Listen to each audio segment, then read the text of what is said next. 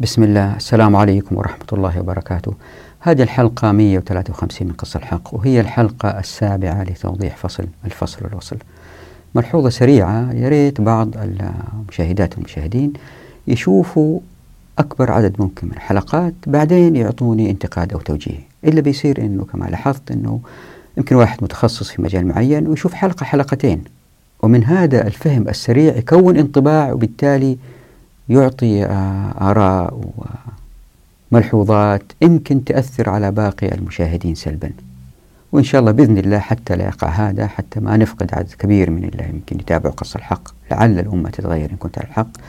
فيليتهم يشاهدوا أكبر عدد ممكن من الحلقات حتى يكونوا انطباع جيد حتى ذلك الوقت يكونوا في موقف يقدروا يعطوا فيه توجيه أو نصح أو نقد.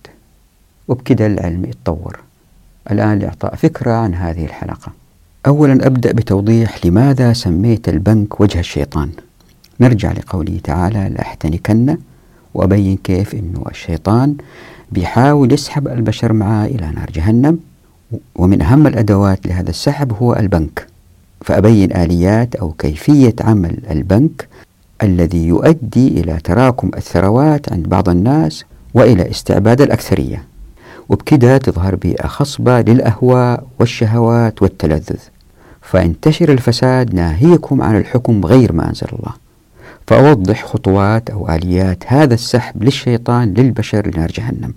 لذلك سميت البنك وجه الشيطان. فوضح هذه المسألة. بعدين نبدأ بتوضيح كيفية عمل البنك في احتساب الفوائد الربوية. بعد كده وضح كيف يختلق وجه الشيطان الثروة من خلال توضيح مبدأ الاحتياطي الزائد والاحتياطي المطلوب. وطبعا هذه صعب إعطاء فكرة عنها بالذات لغير الاقتصاديين فلا بد إذا من متابعة هذه الحلقة. بعد كده أوضح مسألة مهمة جدا في قص الحق.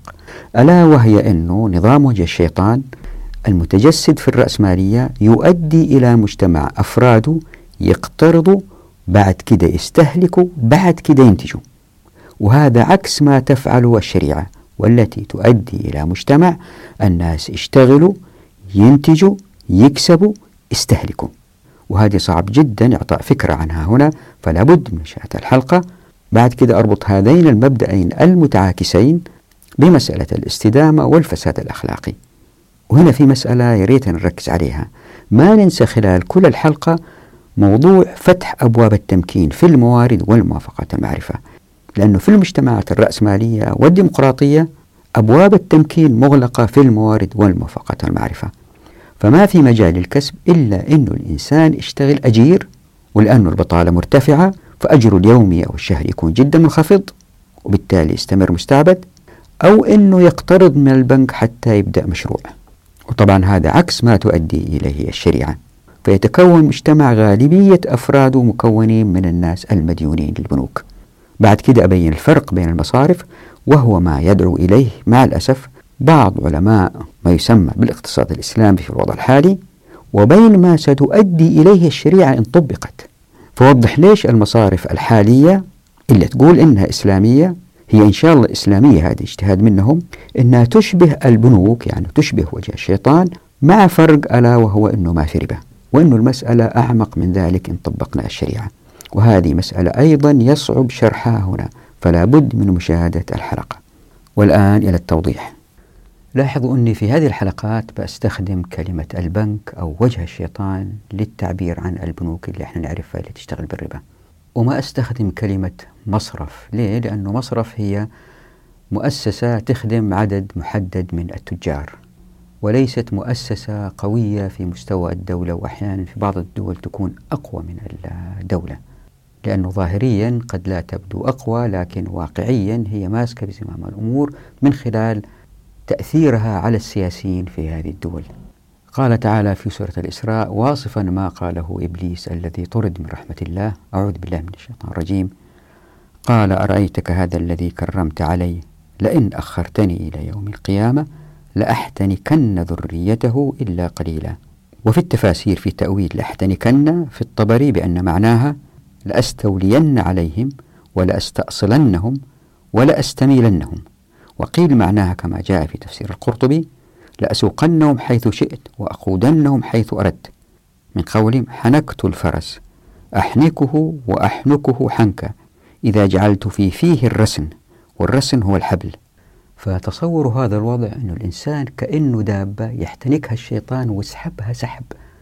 وكأنه البشر ما لهم لا حول ولا قوة ولا عقل ولا إرادة يخالفوا هذا الذي يفعل الشيطان بيسحبهم معاه لأنه عارف أنه رايح نار جهنم يبغى يسحبهم معاه إلى نار جهنم. فتخيلوا هذا الوصف البديع. لاحتنكن طيب كيف يقع هذا؟ يقع هذا من خلال أنهم يكفروا. طيب كيف يكفروا؟ هم يكفروا بالحكم بغير ما أنزل الله. لما يحكموا بغير ما أنزل الله يؤدوا بأنفسهم إلى الهلاك لأنهم بيكفروا من جهة وبيفسدوا في الأرض من جهة أخرى. وكيف يتم هذا؟ عدة وسائل من أهمها البنوك. ليه؟ لأن البنوك تقسم الناس إلى دائن مدين. مودع مستثمر. وبكده وبتتجمع الأموال والبنك يسوي شغلة ثانية مهمة راح نشرحها هذه الحلقة. هي أهم شيء في هذه الحلقة أنه البنك يختلق الأموال يوجدها من عدم. وتقع في أيدي الأثرياء وبالتالي السوق يستجيب بإنتاج الكماليات الفارهة وتحلو الدنيا في عين الناس بهذه الكماليات الفارهة وتنافسوا أكثر وأكثر على إيجاد المال بطرق ملتوية حتى ما يشتغلوا كثير. ومع مرور الزمن يزداد هذا التلاعب بالأموال وباختلاق الأموال ويزداد اللهو باقتناء الكماليات. وطبعا مين يشتغل إنتاج هذه الكماليات؟ ناس مجلودين ويمكن واحد يقول لا بس شوف اللي اشتغلوا في صناعة الطائرات. ناس آه، ما هم مغفلين ناس متعلمين ناس راقين. نعم اللي غذى هؤلاء اللي اشتغلوا في صناعة الطائرات ولا ما هم مجلودين جلد شديد. ناس آخرين اللي يسووا لهم الحليب والخبز و... وهؤلاء مجلودين وحتى إن كانوا هؤلاء ما هم مجلودين في آخرين مجلودين في المزارع اللي بيشتغلوا في مزارع يملكوها أصحاب رؤوس الأموال. فكيف ما الواحد نظر للمجتمع الرأسمالي يجد أنه مكون بطريقة استعبادية؟ معظم الناس اللي اشتغلوا ما اشتغلوا في المصانع أو المزارع أو المؤسسات اللي هي تنتج وهم فيها أجراء هم ما يملكوها. وبكده وبهذا الترتيب الشيطان أوجد طريقة يحتنك فيها البشر ومن أهم هذه الطرق البنك أو وجه الشيطان. لذلك سميت البنك وجه الشيطان. قبل ما ننتقد البنك لابد أنه نفهم كيف يشتغل هذا البنك.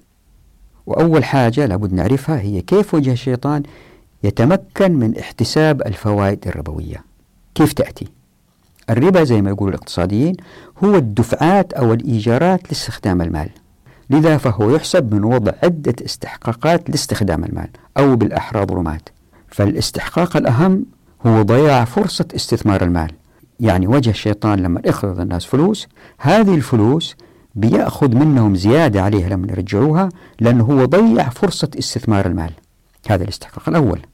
ليه؟ لأن المالك عندما يعطي ماله لآخر فهو إنما تنازل عن فرصة الاستثمار وهذه لها ثمن خلينا نقول مثلا 2% يضاف على هذه في المية بعد كده توقعات التضخم.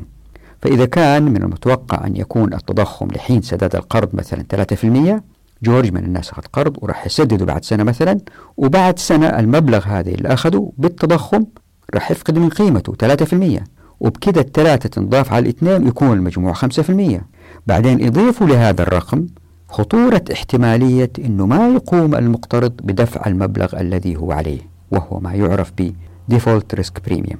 وهذه لها ثمن خلينا نقول 3% وهذا الرقم طبعا يرتفع كل ما ارتفعت خطورة عدم تمكن المقترض من السداد.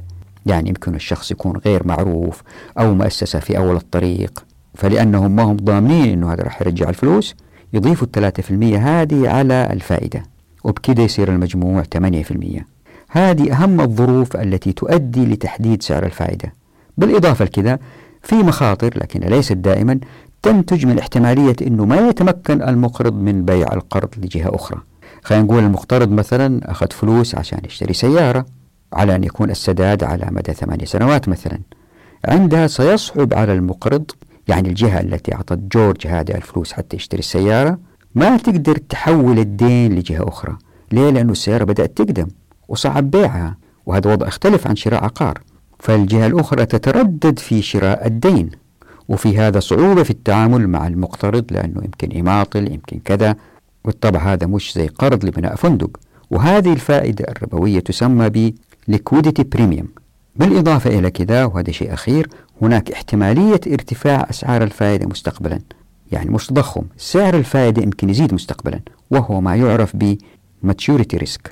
يعني يمكن واحد أخذ قرض لمدة 10 12 سنة وسعر الفائدة بعد ثلاث سنين بدل ما كان 2% يصير 3% طبعا هنا البنك من المنطق أنه يضيف هذه الخسارة المتوقعة مستقبلا إلى مجموع السابق وبكذا يتم تحديد سعر الفائدة. فإذا الواحد سمع أنه الفائدة من البنك المركزي هي 2% وهذا رقم صغير فلا يعني أن الفائدة الربوية التي تقع على المقترض أنها 2% لا هي أعلى بكثير. وهذا سيؤثر في اقتصاد المجتمع برمته. وحتى تكتمل لنا الصورة لابد لنا من النظر في آليات عمل وجه الشيطان. زي ما هو معروف فأي بنك عنده دفاتر أو سجلات توضح ما للبنك من حقوق وما عليه من التزامات. فالمعادلة المشهورة هي أن ثروات البنك أسيتس هي حصيلة التزاماته وقيمة أسهم المستثمرين stockholders equity هذا بالإضافة لكل من موجودات البنك من منشآت واحتياط نقدي وما شابه من موجودات. لهذا إذا أوضع شخص ما مبلغ مئة ألف دولار فإن احتياط البنك سيزيد بنفس المبلغ. وإذا سحب شخص آخر من البنك خمسين ألف دولار رصيد البنك رح ينقص بنفس المبلغ. هذا الوضع هو اللي أعتقده معظم الناس. لكن الوضع غير ذلك تماما. يعني واقع يؤدي إلى اختلاق الثروة. كيف؟ في العادة في النظام الرأسمالي احتياطات البنك ريزيرفز هو المال المخصص عادة إما لإقراض المستثمرين أو للوفاء بسحوبات المودعين. فالاحتياطي المخصص للإقراض يسمى عادة بالاحتياطي الزائد excess reserves يعني الاحتياطي اللي يمكن الأخذ منه لإقراض المستثمرين. بينما الاحتياطي المخصص للسحب بشيكات المودعين اللي هي من الحسابات الجارية checkable deposits يسمى بالاحتياطي المطلوب required reserves. ليه؟ لأنه مبلغ يجب أن يكون متوفر على الدوام إذا أراد أحد المودعين سحب ماله. طبعا ليس المودعين في حساب التوفير. والاحتياط المطلوب هو المال الذي عادة ما يحفظ نقدا في البنك ذاته أو في محفظة البنك المركزي. وكما هي القوانين في الولايات المتحدة الأمريكية مثلا فإن نسبة الاحتياط المطلوب أو ما يعرف ب Required Reserve Ratio هي عادة للبنوك الكبيرة 10% وهذه النسبة هي نسبة المال المخصص لسحوبات المودعين والتي يمنع البنك من إقراضها. يعني نسبة الاحتياط المطلوب هي الجزء من الودائع التي يجب على البنك أن يحتفظ بها لدى البنك المركزي. خلينا نضرب مثال. إذا أودع فرد مبلغ مئة ألف دولار في حساب جاري عند الاحتياطي المطلوب في البنك يزيد بمقدار عشر ألاف دولار. أما الاحتياط الزائد يزيد بمقدار تسعين ألف دولار. وفي حالة الانتعاش الاقتصادي البنوك عادة ما تتجرأ وتقرض الاحتياط الزائد بأكمل أحيانا والسبب في كده لأن البنوك عادة ما تربح من جن الفوائد الربوية على القروض.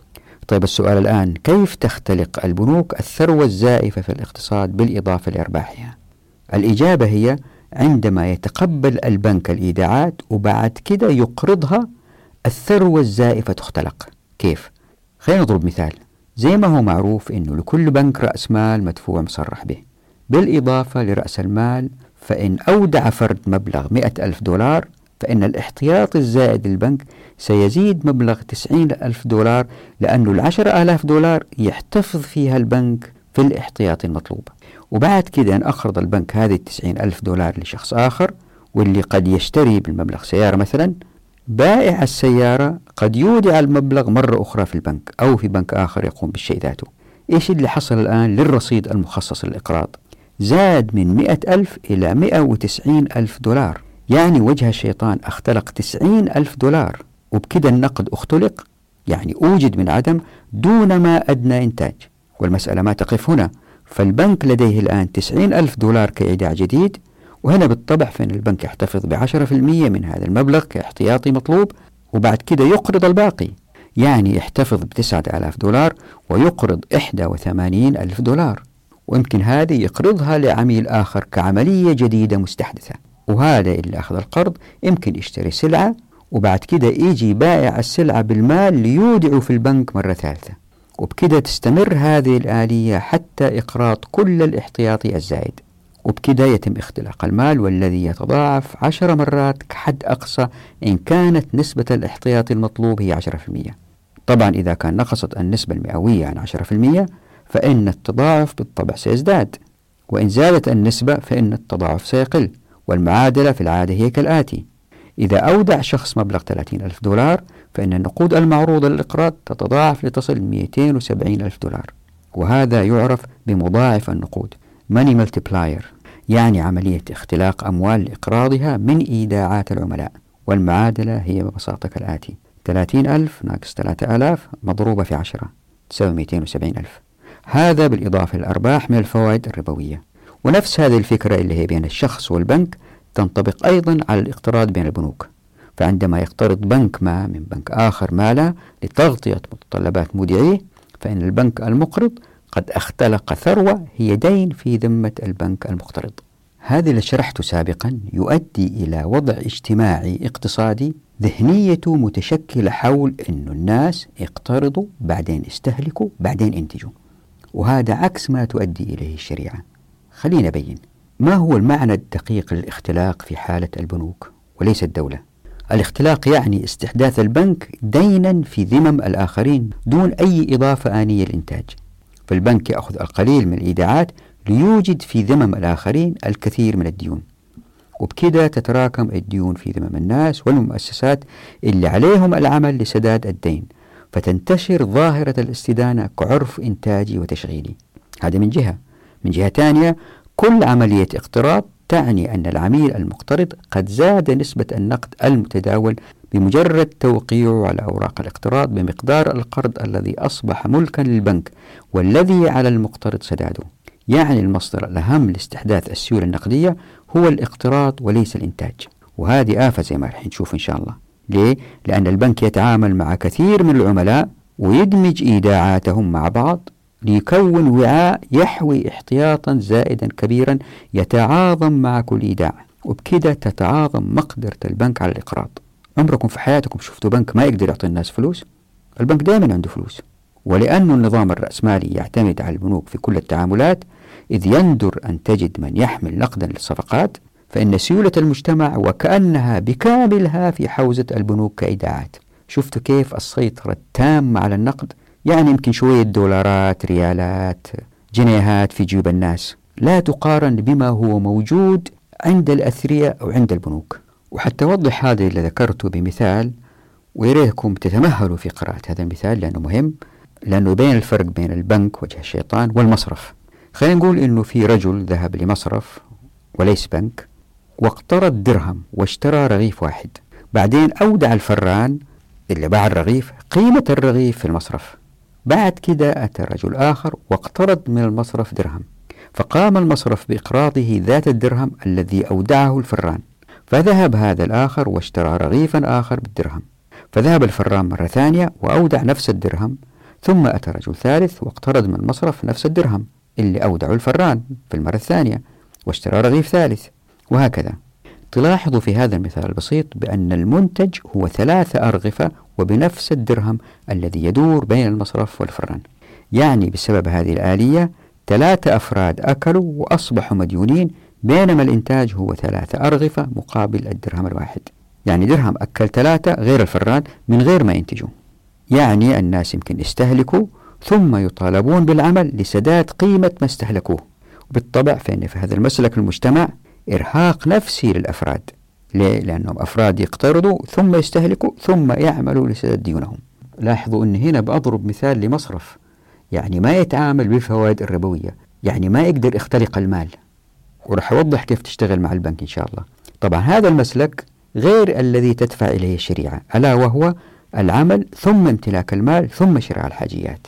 طبعا من الصعب أن الواحد يجد مجتمع جميع أفراده يسلكوا هذا المسلك أو ذلك. فجميع المجتمعات فيها خليط من المسلكين. لكن الغالب في النظم الرأسمالية هو مسلك الاقتراض ثم الاستهلاك ثم الإنتاج. بينما الشريعة من خلال حركيات قص الحق تؤدي للعكس. أي تؤدي للإنتاج ثم الاستهلاك ثم الاقتراض. فالشريعة تحث الناس على تلافي الاقتراض قدر المستطاع وتحض الموسرين في الوقت ذاته على إقراض الآخرين دون فائدة ربوية قدر المستطاع حتى يبدأ الإنتاج دون دين. وهذه راح يأتي بيانها إن شاء الله. هي مسألة مهمة حركية مهمة. ومن الحركيات أيضا تسهيل الشريعة وحضها الناس على الشراكات والتي تعني الإنتاج دون الاقتراض كما مر بنا. تتذكروا شراكة الأبدان والعنان والمضاربة؟ وفي حركيات أخرى راح نأتي عليها إن شاء الله بإذن الله. لاحظوا في هذا المثال إذا ضربته على الفران أنه في تراكم للدين لكن دون اختلاق للثروة. يعني في دين يجب أن يقضى من المقترضين للمصرف والذي عليه إعادة المال للمودعين مرة أخرى. يعني المصرف لا يستطيع الإقراض إلا إن حاز المال من الإيداعات. يأخذ درهم يأخذ درهم. فذات الدرهم يذهب ويعود. وهذا الوضع هو ما يدعو إليه مع الأسف كثير من الباحثين المسلمين مثل شابرا يعني الدعوة لإيجاد مصارف إسلامية لا ترابي بل تأخذ أموال الناس لتدفعها لآخرين لتمكينهم من استثمارها. هنا نلاحظ أن الوضع مشابه للرأسمالية ولكن من دون ربا يعني الناس استدينوا بعدين انتجوا يعني نفس الدرهم قد يدور ويستحدث دينا في ذمة أكثر من فرد كما في المثال اللي ذكرته عن الفران. لكن إن طبقنا الشريعة وكانت المصارف نادرة لأن القرض إن وجد فهو من فرد لآخر وهذا ما يعني أنه لن تظهر المصارف. لا ستظهر لكن بطريقة أخرى. راح أوضح إن شاء الله في حلقات قادمة. عندها نتوقع المجتمع أنه يكون مجتمع تندر فيه القروض ما يعني أنه معظم الأفراد ينتجوا ويبيعوا وبعدين يستهلكوا دون مقتراض طيب في حال البنوك إيش يصير الوضع؟ اللي يصير هو الآتي. حتى إن أعاد البنك أموال المودعين هناك اختلاق للثروة التي أصبحت ملكا للبنك. ليه؟ لأن البنك برغم أنه أقرب أكثر من الدرهم الواحد أي أقرب تسعة أعشار الدرهم الأول ثم أقل وأقل حتى أصبح المجموع تسعة دراهم من ذات الدرهم الواحد يعني واحد ناقص واحد في العشرة في عشرة يساوي تسعة.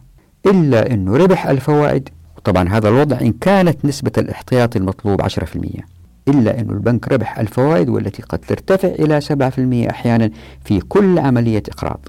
حتى وإن دفع المودعين أرباحا لأن الفارق بين الفائدتين مبلغ كبير حصل على البنك دون ما أي إنتاج فعلي. البنك ما بيشتغل جالس زي المنشار يأكل رايح جاي. وعادة ما تتراكم الفوائد الربوية لتصل إلى أرقام خيالية. فقط تدبر هذا الرقم. لقد كان مجموع الإنتاج القومي في الولايات المتحدة الأمريكية أكثر من 15 تريليون دولار. وكان هذا في شهر سبتمبر 2012 بينما كان مجموع الفوائد الربوية في ذلك الوقت أكثر من 4.5 تريليون دولار يعني حوالي ثلث الإنتاج القومي. وطبعا هذا الرقم أيام ما كتبت هذه الصفحات.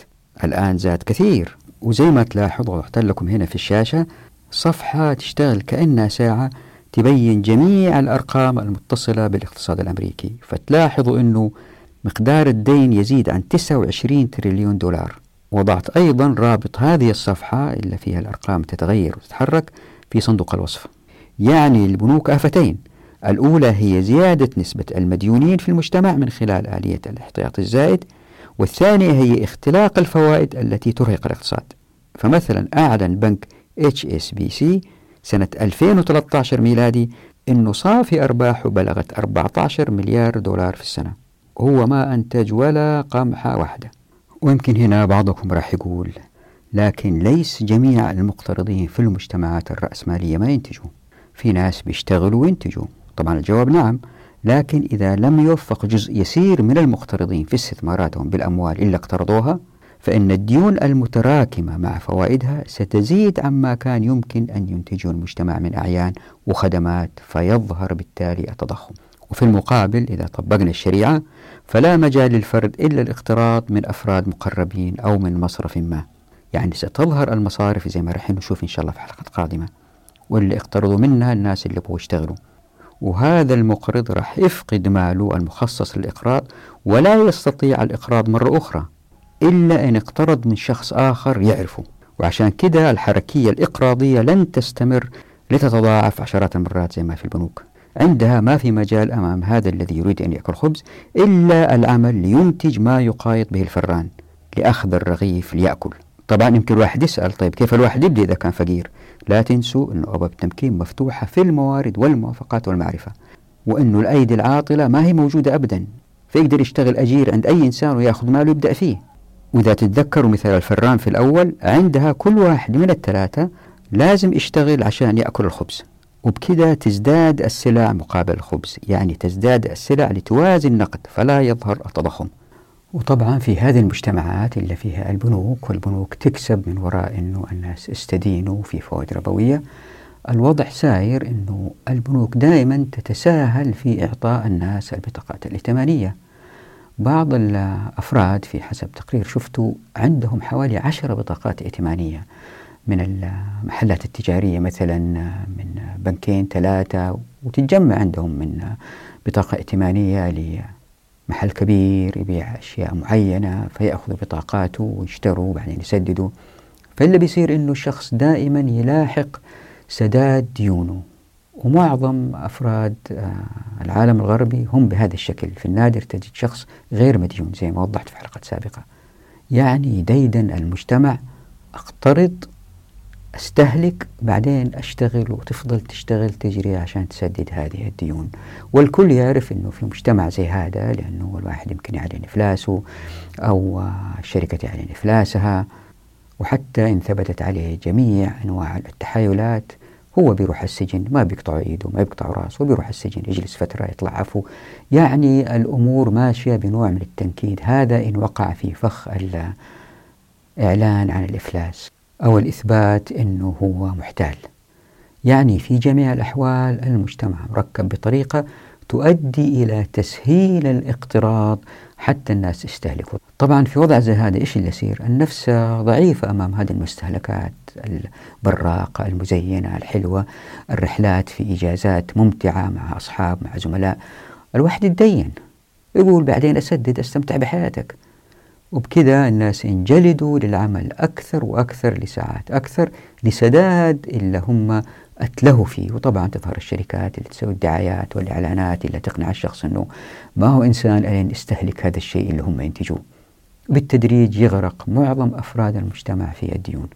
وهنا في ملحوظتين. الأولى هي أنه اللي بينادي في الفقهاء المتأخرين بعضهم وكلهم جزاهم خير بيجتهدوا بينادوا أنه المصارف تكون إسلامية يعني مصارف تشتغل من غير الربا وتجمع الناس اللي هم عندهم رؤوس أموال مع الناس اللي هم عندهم مبادرات واهتمامات ويبغوا ينتجوا ويستثمروا فتأتي المصارف لجلب هذه الأموال لهؤلاء الأفراد ليش قلت مع الأسف؟ لأنه هذا الوضع يشبه الوضع اللي هو تقوم به البنوك وجه الشيطان مع الفارق أنه ما في ربا لكن مع تطبيق الشريعة اللي بيصير إيش؟ أنه لأنه المصرف غير موجود اللي بيصير أنه الناس الذين يريدون أن يعملوا يذهبوا للناس اللي عندهم رؤوس أموال أو العكس الناس اللي عندهم رؤوس أموال يصطادوا الناس اللي يمكن ينتجوا ويستثمروا يجوا الاثنين مع بعض ويشتغلوا مع بعض فتزيد نسبة المسيطرين في المجتمع. فيكون صاحب المال عينه أيضا على الشخص اللي بيشتغل هو بيسوي إيش. فتزيد المشاورة بينهم يزيد التشارك بينهم. فاحتمال أنه الشخص المستثمر اللي بيشتغل في رأس المال احتمال أنه يخسر أقل بكثير. مما هو الوضع في المصارف الحالية اللي هو المصرف جالس بين أصحاب رؤوس الأموال والناس اللي بيشتغلوا. فهذا اللي بيشتغل أخذ المال وتصرف على كيف يسوي على كيف ويمكن يخسر. طبعا هو لا يريد أن يخسر لأنه يجتهد لأنه إن خسر بيخسر مجهوده لأنه هذا المصرف آه، بيجمع الاثنين بيتشاركوا في المخاطر. والمصرف بيأخذ ربح اللي صار إنه أوجدنا طبقه بيروقراطية في النصف اللي هي المصرف وما تشتغل ما تنتج إلا جمع الاثنين على دول وكان يمكن يجتمعوا من غير المصرف اللي في النص من خلال حركيات سيأتي توضيحها إن شاء الله في حلقات قادمة وفي فصول قادمة. لابد أن نربط جميع الأجزاء كيف الشريعة تشتغل مع بعض، ما نقدر نفهم تفصيلة لوحدها بعزلها عن الكل. والملحوظة الثانية هي أنه الشخص أو الأشخاص عندما يقترضوا من مصرف وبالتالي يمكن يكبروا نفقاتهم حاجاتهم متأكدين المشروع ينجح فيأخذوا مال كثير وبالتالي يمكن ما يقدروا يسددوه. فنقترب من النمط الغربي اللي هو اقتراض ثم استهلاك ثم إنتاج. بينما إن طبقنا الشريعة لأن الناس عندما يقترضوا من بعض وليس من مصرف اللي بيصير إنه يجب أن تكون عندهم آه، موثوقية عالية عند الناس سمعتهم جيدة. تذكروا شركة الوجوه الناس مشهورين بأمانتهم بجدهم. هؤلاء الناس هم اللي يجوا الآخرين اللي عندهم رؤوس أموال فائض مالي ويعطوهم. فالأموال بالتدريج تقع في أيدي الناس اللي هم أكثر موثوقية وأكثر جدارة. ليه؟ لأنه اللي بيقرض هو الشخص نفسه.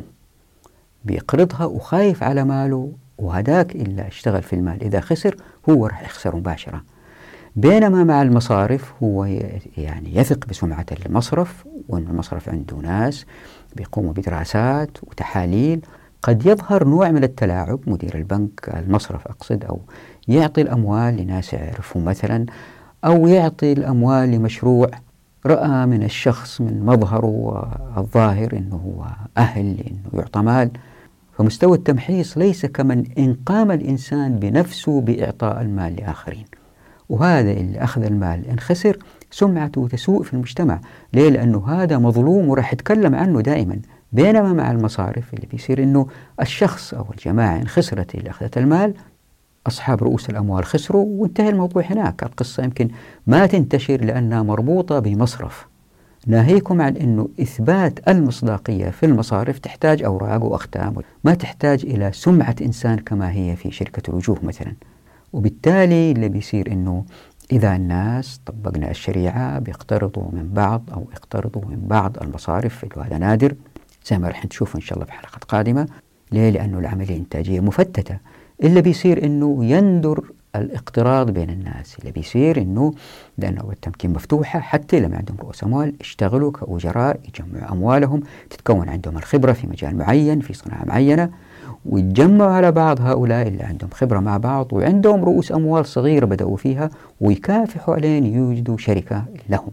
كل هذه الحركيات تشتغل مع بعض تؤدي إلى مجتمع يشتغل يوفر ينتج استهلك وهذا مختلف تماما عن الذي تدفع إليه الرأسمالية. وهذا يؤدي إلى الاستدامة أكثر. ليه؟ لأنه الواحد يمكن ما يفكر يشتري ساعة رولكس لأنه أساسا يمكن ما عنده هذا المبلغ. وإذا كان عنده يحسبها هو اشتغل كم ساعة حتى جاب هذا المبلغ؟ لأنه ما في أبواب احتكار من خلالها يقدر يصطاد المال من غير ما يشتغل. وبالتالي هذه المصانع اللي يمكن آه تستهلك الكثير من ساعات العمل إلا تستهلك الكثير من المواد الخام.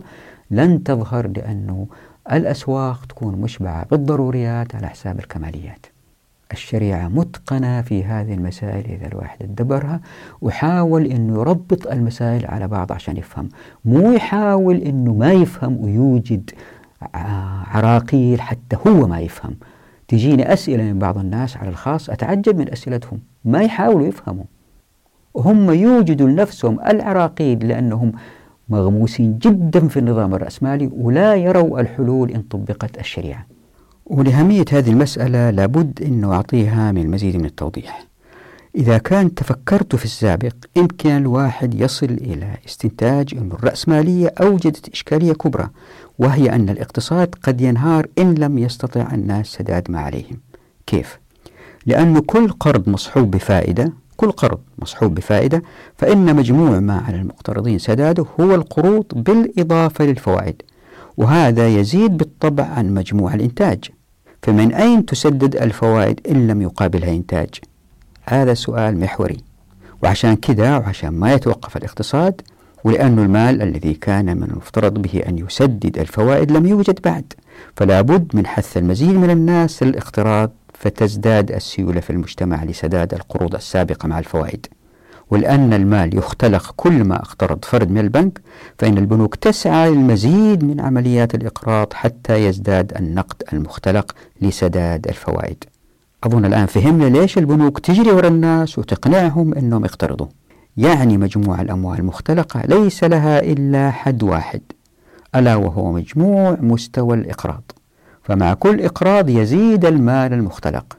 وبيقول مختلق لأنه لا منتج يقابله أو يغطيه. تذكروا تحدثنا سابقا عن اختلاق الأموال. فما في أي منتج يقابل هذا الاختلاق إلا الديون في ذمم الأفراد. يمكن هنا الواحد استنتج منطق اقتصادي أن الناس إذا سددوا ديونهم فإن الرخاء سيعم. هذا المنطق صحيح على مستوى الأفراد.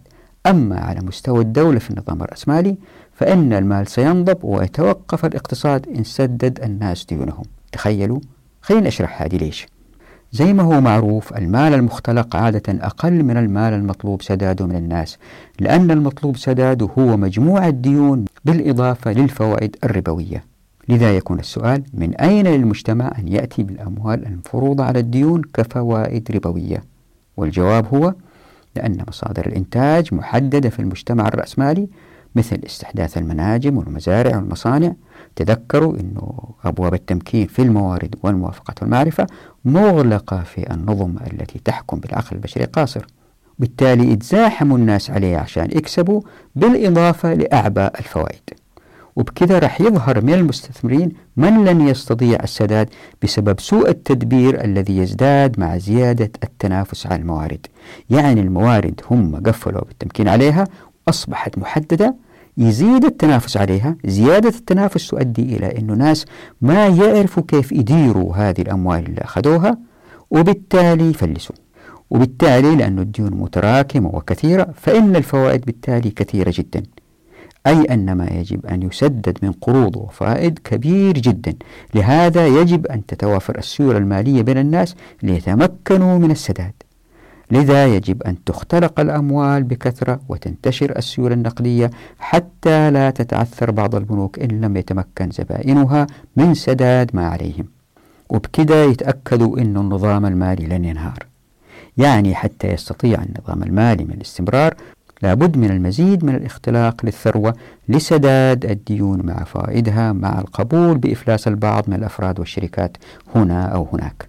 لهذا يحرص النظام المالي على زيادة الأموال المختلقة لتكون القروض والفوائد الربوية في متناول أكبر عدد من المديونين. يعني لابد من إيجاد المزيد من الديون على الناس حتى يستمر الاقتصاد. وبكذا تصبح العلاقة بين الأموال المتداولة فعليا بين الناس من جهة والديون وفوائدها كأرقام على الصكوك والمستندات والشاشات من جهة مقابلة وكأنها علاقة مطاردة متعاظمة تطارد فيها الديون الأكثر الأموال المتداولة الأقل. لذا فكلما كبرت الديون كان على الأموال المختلقة أن تزداد. خليني أعيد صياغة العبارة الأخيرة بطريقة أخرى لأهميتها. لأن معظم أفراد المجتمع مديونون ولأن عليهم سداد ديونهم مع الفوائد ولأن هذا المبلغ أكبر من مجموع الديون وحتى لا يتوقف الإنتاج بسبب عدم استطاعة البعض على السداد فتنهار بعض البنوك فلا بد من اختلاق المزيد من الثروات. وهذا لن يتم بالطبع إلا بترحيل الأزمة لتاريخ قادم حتى لا يتوقف الاقتصاد. وكأن المجتمع رجل يقترض المزيد من المال لسداد ديونه المتراكمة فهو يقترض اليوم من عمرو لسداد دينه مع الفوائد لبكر ثم يقترض غدا من زيد مبلغا أكبر لسداد دينه لعمرو مع الفوائد ثم يقترض بعد غد من عبيد مبلغا أكبر وأكبر لسداد دينه لزيد مع الفوائد وهكذا يهرب من الواقع لترحل الديون للأجيال القادمة. عشان كده تحاول البنوك دائما ابتكار الوسائل المختلفة لإقراض الناس حتى تزداد الأموال المتداولة يوما بعد يوم والتي تحاول سداد الديون بفوائدها. وبهذا يجبر المقترضون على الاستمرار في العمل وتحت أي ظرف أي حتى يستمر الاقتصاد الرأسمالي المعاصر لابد وأن تقترض طائفة كبيرة من الناس ومن ثم تضطر للعمل. أي لابد من تراكم الديون لأنه إن تمكن الناس من سداد ديونهم فإن الاقتصاد سيتوقف لأن البنوك لن تستطيع الإقراض. وإن لم تتمكن البنوك من الإقراض فإنه لا رأس مال للاستثمار فينخفض الإنتاج. فقط تفكروا في الرقم الآتي. بلغ الدين الأمريكي العام سنة 2012 ميلادي أكثر من 16 تريليون دولار.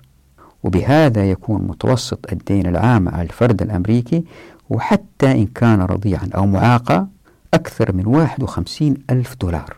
بينما بلغ متوسط ما يدفعه الفرد الأمريكي من فوائد أكثر من 12 ألف دولار. وليتكم تراجعوا الرابط اللي وضعته في صندوق الوصف. اللي يشرح الحال الأيام هذه في ساعة قلت إنها تبين دخل الأفراد والشركات والولايات والدولة وما عليهم من فوائد وما عليهم من قروض. حتى وإن وجد فائض مالي في ميزانية الدولة بسبب أموال الضرائب التي قد تفوق النفقات فإن المعادلة لا تزال قائمة وهي أن البنوك هي سيدة المجتمع التي يركع لها المقترضون من الناس وهم كل الناس إلى حد كبير في مجتمع رأسمالي إذا استثنينا المليونيرات والأثرياء. يعني النظام الرأسمالي يدفع المجتمع المزيد من العمل والإنتاج في ظروف قاسية حتى يتمكن الناس من سداد ما عليهم. يعني الكل يحمل هم سداد دينه فيجبر على العمل. وهذا المزيد من العمل سعي للربح الأكيد يعني توجه بعض المستثمرين لإنتاج مستهلكات تشبع رغبات الأثرياء بسبب الطبقية يعني إنتاج الكماليات الفارهة. وكثرة الكماليات تعني المزيد من الاستنهاك لموارد الأرض لإنتاج ما لا حاجة له. وهذا يعني المزيد من الزبالة القمامة أكرمكم الله باستهلاك الموارد الطبيعية فيما ليس بضروري. إن استوعبنا هذا اللي راح نصل إلى قناعة أن الربا لابد وأن يؤدي للتلوث البيئي بسبب زيادة الإنتاج اللا مبرر لأن الأفراد مرغمون على المزيد من العمل لسداد ما عليهم من قروض بفوائدها من جهة. وأنه يؤدي إلى الانحلال الخلقي من جهة أخرى لأن هناك من لا يستطيعون سداد ديونهم وهناك من لا يستطيعون الاقتراض. وفي النقيض فهناك من يربحون الفوائد الكثيرة دون ما إنتاج فتظهر الطبقية في المجتمع. وما الفساد إلا اجتماع الطبقية المؤدية للتسخير أي الاستعباد مع التلوث البيئي. شفتوا كيف الشريعة معجزة في هذه المسائل؟ هذه المسائل التي تربط بين الطبقية والفساد الأخلاقي وزيادة الإنتاجية غير المبررة في الكماليات والتي تؤدي أو تساهم إلى تلوي زيادة تلويث الكرة الأرضية هذه المسائل ما تتفهم إلا إذا كان رجعنا وفهمنا كيف الشركات تشتغل إن طبقنا الشريعة. لابد من مشاهدة حلقات فصل الشركة قبل ما نفهم حلقات الفصل والوصل. وعشان نفهم فصل الشركة لابد من مشاهدة حلقات فصل ابن السبيل. وهكذا لين نرجع لأول الحلقات التي تتحدث عن العقل والتمكين. يعني يا إخوان كررتها مرارا صعب جدا المتابعة من هذه الحلقات الأخيرة. لابد من المشاهدة من البداية وبالتدرج. وبالطبع فإن هذا التفاقم الكبير للإيداعات في البنوك لتتضاعف عشر مرات تقريبا وتتحول إلى أموال قابلة للإقراض لا يحدث في العادة إلا إن تمت آليتان. الأولى هي أن البنك سيقرض كل ما لديه من أموال في الاحتياط الزائد.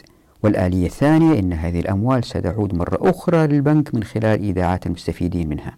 لكن إذا اختلت إحدى هاتين الآليتين وهذا أمر وارد برغم ندرته فإن المبلغ المضاعف وهذه وضحتها في هذه الحلقة بالطبع سينخفض ما يؤثر في الحركة الاقتصادية. لهذا فإن الاقتصاد في النظام الرأسمالي هش جدا. فكما أن المال يتضاعف بسهولة فهو يتقلص أيضا بسهولة.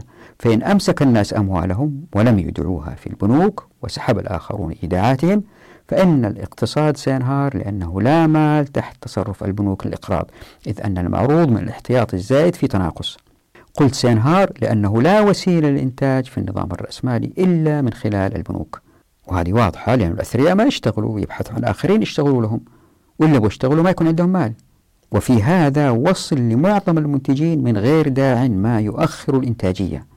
لذلك الفصل هذا سميته الفصل والوصل. هنا الرأسمالية وصلت حيث يجب أن تفصل. تفكروا في السؤال الآتي. لماذا علي أن أقلق بما يجري في الأسواق المالية إن كنت منتجا؟ أنا راجل عندي مزرعة وشغال بنتج. ليش أخاف أنه سيحدث انهيار مالي في الأسواق والناس لن يستطيعوا شراء منتجاتي؟ كل هذا بسبب العقل البشري القاصر. وهذا بالطبع ليس كما ستؤدي إليه الشريعة من دفع للإنتاج بالفصل بين الناس. وهذا اللي راح نثبته إن شاء الله في حلقات قادمة. ودون الحاجة لوصل الناس من خلال البنوك زي ما رأينا في هذه الحلقات. في الحلقة القادمة نتحدث عن انهيار البنوك. نتوقف هنا. نراكم على خير. في أمان الله. ودعواتكم.